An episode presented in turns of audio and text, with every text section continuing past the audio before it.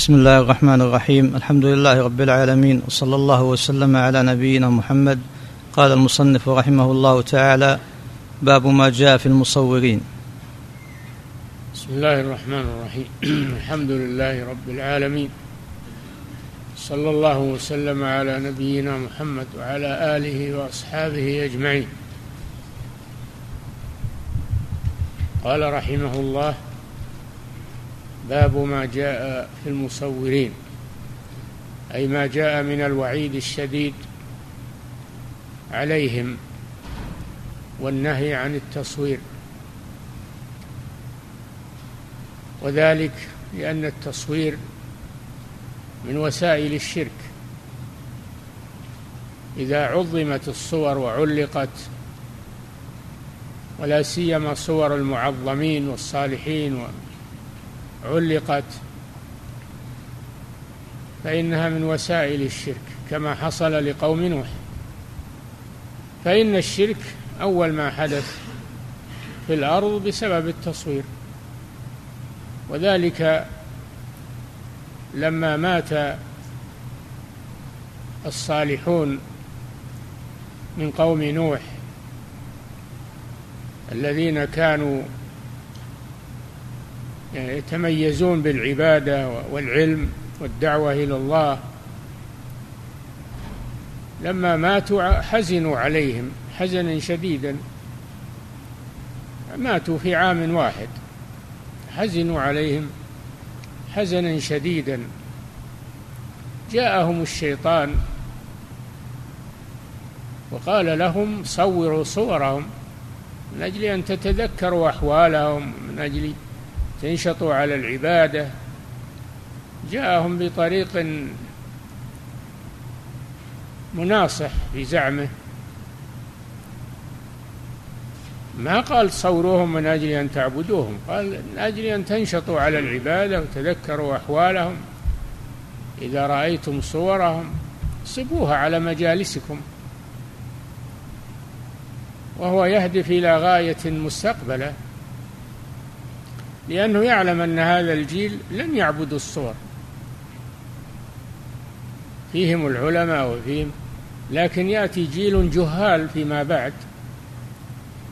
فحينئذ يأتيهم الشيطان ويقول لهم إن آباءكم ما نصبوا هذه الصور إلا لأن فيها بركة فيها فيها تذكير وهي تؤثر وتنفع. فأدخل عليهم أن هذه الصور تنفع وتضر وأنها إنما نصبت للعبادة فعبدوها من دون الله حدث الشرك. ثم أرسل الله نبيه نوحا عليه الصلاة والسلام يدعوهم إلى عبادة الله وحده لا شريك له ترك الشرك. فأبوا قالوا لا تذرن آلهتكم. لا تذرن يعني لا تتركوا هذه الصور. لا تذرن آلهتكم. ولا تذرن ودا ولا سواعا ولا يغوث ويعوق ونسرا. هذه أسماء الصالحين. هذه أسماء الصالحين الذين صوروا وعبدوهم من دون الله وتواصوا بعدم ترك عبادتهم. ومعصية نوح عليه السلام. لا تذرن آلهة لا تطيعوا نوحا. تتركوا هذه الآلهة التي هي الصور المنصوبة. فحدث الشرك بسبب التصوير وتعظيم الصور. فلذلك عقد المصنف هذا الباب في كتاب التوحيد. لأن هذا الكتاب لبيان التوحيد وبيان الشرك وأسبابه ووسائله هذا وجه عقد هذا الباب في كتاب التوحيد أن التصوير من وسائل الشرك. لأنه مضاهاة لخلق الله عز وجل. لأن المصور يريد أن يوجد صورة تشبه الصورة التي خلقها الله. يحاول هذا. يحاول أن أن يخلق صورة مثل الصورة التي خلقها الله. مضاهاة. ففيه مشاركة لله فيما هو من خصائصه وهو الخلق. لأنه لا يقدر على الخلق إلا الله عز وجل. فهذا المصور يحاول أن يشارك الله في خلقه وأن يوجد صورة تشبه ما خلقه الله. فيه مضاهاة. وإذا كان فيه مضاهاة فهو وسيلة من وسائل الشرك. فهذا أمر خطير. ولا يجوز التصوير لذوات الأرواح. ذوات الأرواح. أما تصوير ما لا روح فيه من الأشجار والبنيان والسيارات والآليات التي لا روح فيها فلا مانع. لأنه لا محذور في ذلك. إنما الممنوع تصوير ذوات الأرواح من الآدميين والحيوانات كل ما فيه روح. هذا هو الممنوع. فهذا وجه ذكر هذا الباب في كتاب التوحيد لأن التصوير من وسائل الشرك كما حدث لقوم نوح. هم قصدهم حسن. ولكن لما كان فعلهم هذا يؤول إلى محذور منع من من ذلك. العبرة بالعواقب ما هي العبرة بنية الإنسان ومقصد الإنسان؟ العبرة بما يؤول إليه هذا الشيء وما يسببه هذا الشيء ولو كانت نية صاحبه حسنة. فهذا هو المقصود من هذا الباب. وهو باب عظيم. ما يتهاون به. نعم. عن أبي هريرة رضي الله عنه قال قال رسول الله صلى الله عليه وسلم قال الله تعالى ومن أظلم ممن ذهب يخلق كخلقي فليخلقوا ذرة أو ليخلقوا حبة أو ليخلقوا شعيرة. أخرجاه. نعم هذا الحديث من الأحاديث القدسية. التي يرويها رسول الله صلى الله عليه وسلم عن ربه عز وجل أن الله قال ومن أظلم يعني لا أحد أشد ظلما من هذا النوع لأن الشرك هو أعظم الظلم. الشرك إن الشرك لظلم عظيم وهذا من وسائل الشرك. ومن أظلم ممن ذهب يخلق كخلقي يعني يصور صورة يريد بها محاكاة ومشابهة خلق الله عز وجل. يجعل لها جسم ويجعل لها وجه ويجعل لها بصر ويجعل لها فم ويجعل لها شكل مثل ما هو خلق الله عز وجل. هكذا يريد. ذهب يخلق كخلقي يعني يخلق صورة يحاكي ويريد أن يخلق مثل خلق الله. فهو أظلم الظالمين. شوف المصور أظلم الظالمين والعياذ بالله.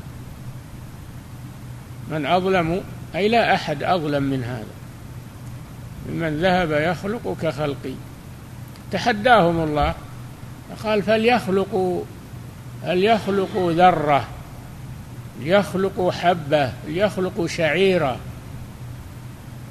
هم يوجدون الشكل والصورة لكن لا يقدرون لا يقدرون أن ينفخون فيها الروح ويجعلونها مثل خلق الله تمشي وتأخذ وتعطي وتتكلم. ما يستطيعون هذا. إنما يستطيعون الرسم والنحت فقط. يحاولون الشكل فقط. الله تحداهم قال فليخلقوا ذرة والذرة هي النملة الصغيرة. أصغر شيء. فليخلقوا ذرة؟ أو ليخلقوا حبة؟ حبة حبة بر أو شعير.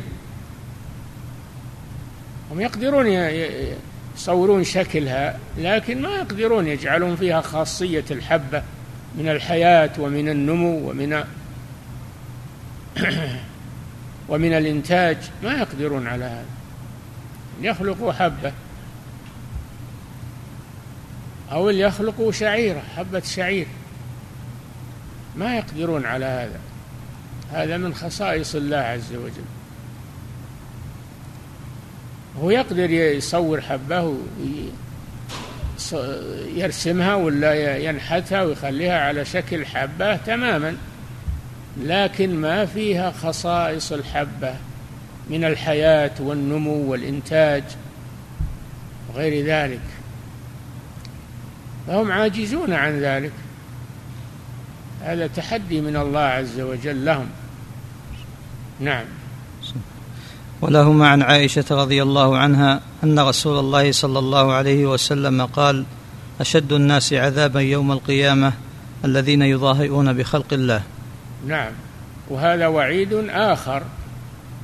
الأول هو أظلم الظالمين والثاني أنه أشد الناس عذابا يوم القيامة. المصور أشد الناس عذابا يوم القيامة. والعياذ بالله. أشد الناس عذابا. أشد الناس عذابا يوم القيامة الذين يظاهرون بخلق الله. وهذا فيه التنبيه على العلة وهي المضاهاة.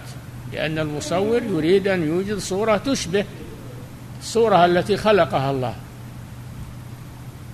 يريد أن يوجد صورة تشبه الصورة التي خلقها الله هذه مضاهاة مشابهة. هذا أشد الناس عذابا يوم القيامة لأن عمله هذا وسيلة إلى الشرك وادعاء لمشاركة الله في خلقه. نعم. صلى الله ولهما عن ابن عباس رضي الله عنهما سمعت رسول الله صلى الله عليه وسلم يقول كل مصور في النار. وهذا وعيد ثالث.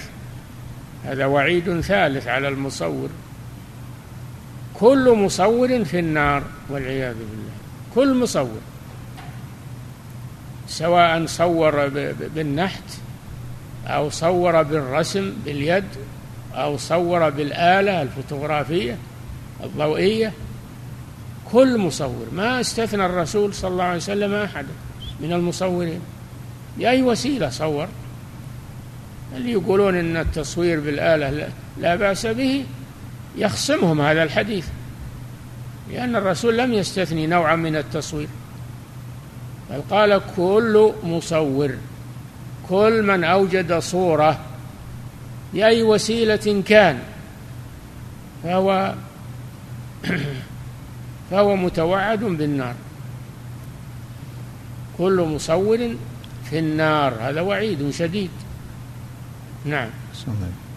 ولهما عن ابن عباس رضي الله عنهما سمعت رسول الله صلى الله عليه وسلم يقول كل مصور في النار يجعل له بكل صورة صورها. هذا وعيد رابع. كل مصور في النار هذا سبق لكن يجعل له بكل صورة صورها نفس يعذب بها في جهنم. يعذب بكل صورة صورها. صور آلاف يجعل له ألف نفس. صور آه، ملايين يجعل له مليون نفس. كل نفس يعذب بها في جهنم والعياذ بالله. هل أشد من هذا الوعيد؟ الإنسان بعافية ولله الحمد ما يدخل نفسه في مهالك. بعافية يترك التصوير لا يحترف لا يحترف التصوير. يورط نفسه. يوم القيامة يجعل له أنفس متعددة بعدد الصور. كل نفس يعذب بها في جهنم. هذا الأمر خطير جدا. نعم. يجعل له بكل صورة صورها نفس يعذب بها في جهنم. تتعدد يتعدد تعذيبه بتعدد الصور. خلوا صور ألف مئة ألف مليون. كل صورة تحفظ له يوم القيامة ويجعل له نفس بكل صورة يعذب بها في جهنم. نعم. صحيح. ولهما عنه مرفوعا من صور صورة في الدنيا. كلف أن ينفخ فيها الروح وليس بنافخ. هذا وعيد خامس. أن المصور يوم القيامة يقال له أحيي ما خلقت. انفخ فيها الروح. هذا تعجيز. ولن ينفخ فيها الروح لأن الروح يسألونك عن الروح. قل الروح من أمر ربي. ما أحد يقدر ينفخ الروح بالصورة ويخليها تمشي. لكن يؤمر بذلك من باب التعجيز والتهديد له والتعذيب له. نعم. ولمسلم عن أبي الهياج قال قال لي علي قال قال لي علي رضي الله عنه ألا أبعثك على ما بعثني عليه رسول الله صلى الله عليه وسلم ألا تدع صورة إلا طمستها ولا قبرا مشرفا إلا سويته. هذا في بيان ما يفعل بالصور. ما يفعل بالصور. أنه يجب اتلافها وطمسها. يجب اتلافها وطمسها. وهذا من إنكار المنكر ومن إراحة المسلمين من شر هذه الصور.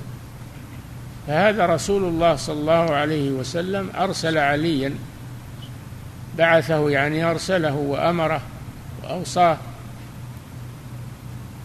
ألا تدع صورة إلا طمستها لا تترك صورة إلا طمستها حتى تزول معالمها جعل طامس عليها أو تمزيقها أو إتلافها. هذا فيه إنكار المنكر وإزالة المنكر باليد.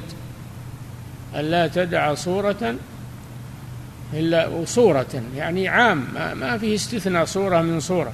لا تدع صورة أي صورة إلا طمستها. ولا قبرا مشرفا يعني مرتفعا مثل يبنى عليه يبنى عليه ويعظم. إلا سويته يعني أزلت إشرافه وارتفاعه جعلته مثل مقابر المسلمين. ما فيه بناء ولا فيه تزويق ولا فيه كتابات ولا فيه مثل مقابر المسلمين. ما ما يلفت النظر. أما إذا بني عليه وكتب عليه ووضع عليه زخارف أو جعل عليه ضريح للعبادة والطواف به الصلاة عنده والدعاء عنده والاستغاثة به والذبح والنذر له هذا أشد كما هو حال الأضرحة الآن في العالم الإسلامي مع الأسف. الرسول يأمر بإزالة هذا إزالة الإحداثات التي على القبور التي تسبب الغلو فيها.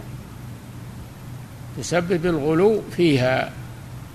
ما حدث الشرك في هذه الأمة إلا بسبب القبور. لما استولى الفاطميون الشيعة الباطنية على مصر وعلى بلاد المسلمين كثير من بلاد المسلمين أحدثوا البناء على القبور. وانتشر هذا في بلاد المسلمين بسبب الشيعة الفاطميين ولا ما كان هذا يعرف في أول الإسلام في القرون المفضلة ما كان يعرف هذا. إلا لما استولى الشيعة الفاطميون على بلاد المغرب وبلاد مصر كثير من بلاد المسلمين بنوا على القبور فقلدهم جهلة المسلمين في هذا فصارت تعبد من دون الله. فالبناء على القبور سبب للعبادة سبب لعبادتها. وسيلة من وسائل الشرك وهو من فعل اليهود والنصارى. اتخذوا قبور أنبيائهم مساجد يبنون عليها ويعبدونها تبعهم الشيعة والشيعة بلا شك أنهم دسيسة من دسائس اليهود صنيعة من صنائع اليهود يريدون بها القضاء على الإسلام. باسم الإسلام. محبة الصالحين تعظيم الصالحين وإحياء آثارهم إلى غير ذلك من الشبهات الشيطانية. فهم أحدثوا هذا واستمر هذا إلى الآن. ومن أنكره شنعوا عليه. قالوا هذا وهابي. هذا دين محمد عليه الصلاة والسلام. ما هو بدين وهابي دين محمد. هو الذي أمر. ولا قبرا مشرفا إلا سويته. هذا أمر الرسول صلى الله عليه وسلم لأمير المؤمنين علي بن أبي طالب. أمير المؤمنين ما كتم هذا. ما كتم هذا بل إنه أوصى به أبا الهياج الأسدي التابعي. من بعده أوصاه بأن يقوم بهذا العمل الذي كلفه به رسول الله صلى الله عليه وسلم. ولا كتمه رضي الله عنه بعث أبا الهياج الأسدي بما أوصاه به رسول الله صلى الله عليه وسلم. مهمتين من وسائل الشرك. الأولى الصور يطمسها. الثانية القبور المبنية والمشرفة يسويها يعني يزيل ما عليها من البناء ويجعلها قبور عادية لا تلفت النظر. هذه مهمة أهل التوحيد. ما يتركون الأمور وهم يقدرون. ما يتركون الأمور وهم يقدرون على إزالتها. من رأى منكم منكرا فليغيره بيده. والشرك هو أعظم المنكر. فهذا فيه أمر التصوير. كل هالنصوص التي ساقها الشيخ وهي في الصحيحين ما فيها مجال للاستشكال أو في الصحيحين. ما لحد فيها مطعم. واضحة في معناها بينة. صريحة. نعم. لكن العلماء المعاصرين استثنوا المحققون من العلماء المحققون استثنوا ما تدعو الضرورة إليه من التصوير. يباح للضرورة مثل تصوير الذي يجعل للحفيظة أو لرخصة القيادة أو هذا ضروري لأجل أن الناس تتم لهم مصالحهم ومنافعهم. فرضت عليهم. ولو لم يعملوها تعطلت مصالحهم. فيكون هذا من باب الرخصة. قد فصل لكم ما حرم عليكم إلا ما اضطررتم إليه. فهذه ضرورة بقدرها فقط. أما التصوير للهواية والتصوير للذكريات تصوير لتعظيم المصور هذا لا يجوز بحال من الأحوال.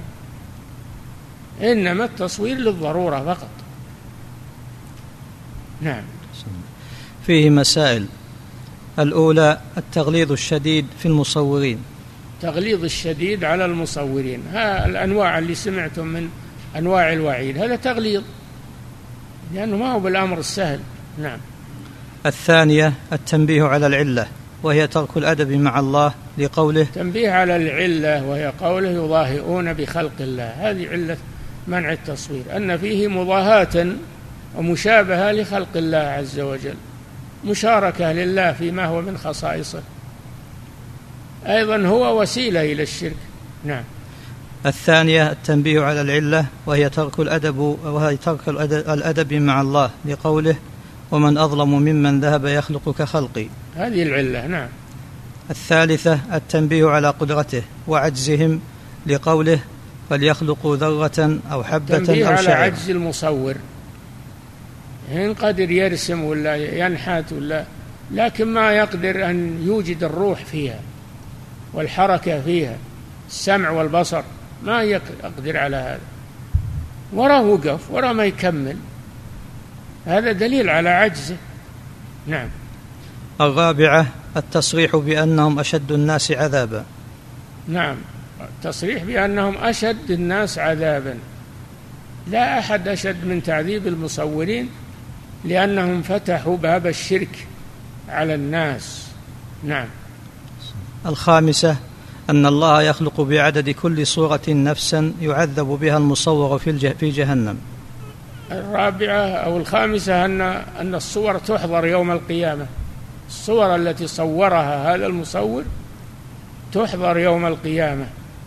ويجعل الله له فيها بكل صورة نفسا يعذب بها في جهنم. لأجل يتعدد التعذيب ويعظم التعذيب عليه والعياذ بالله. نعم. السادسة أنه يكلف أن ينفخ فيها الروح. وهذا هذا عجز ما يستطيع ينفخ الروح. الروح من خصائص الله عز وجل. ما أحد يستطيع أن يوجد الروح وينفخها في الصورة. إنما هذا من خصائص الله عز وجل. قل الروح من أمر ربي وما أوتيتم من العلم إلا قليلا. نعم. السابعة الأمر بطمسها إذا وجدت. أي نعم. ماذا يعمل بالصور؟ علينا أن نطمسها. ولا نحتفظ إلا بالصور الضرورية. الصور الضرورية نحتفظ بها. لأجل الضرورة إليها والحاجة إليها. أما ما عداها فيطمس ويتلف. ولا يقال هذه للذكريات هذه لتذكر أحوال الصالحين هذه تعظيم من سبقوا.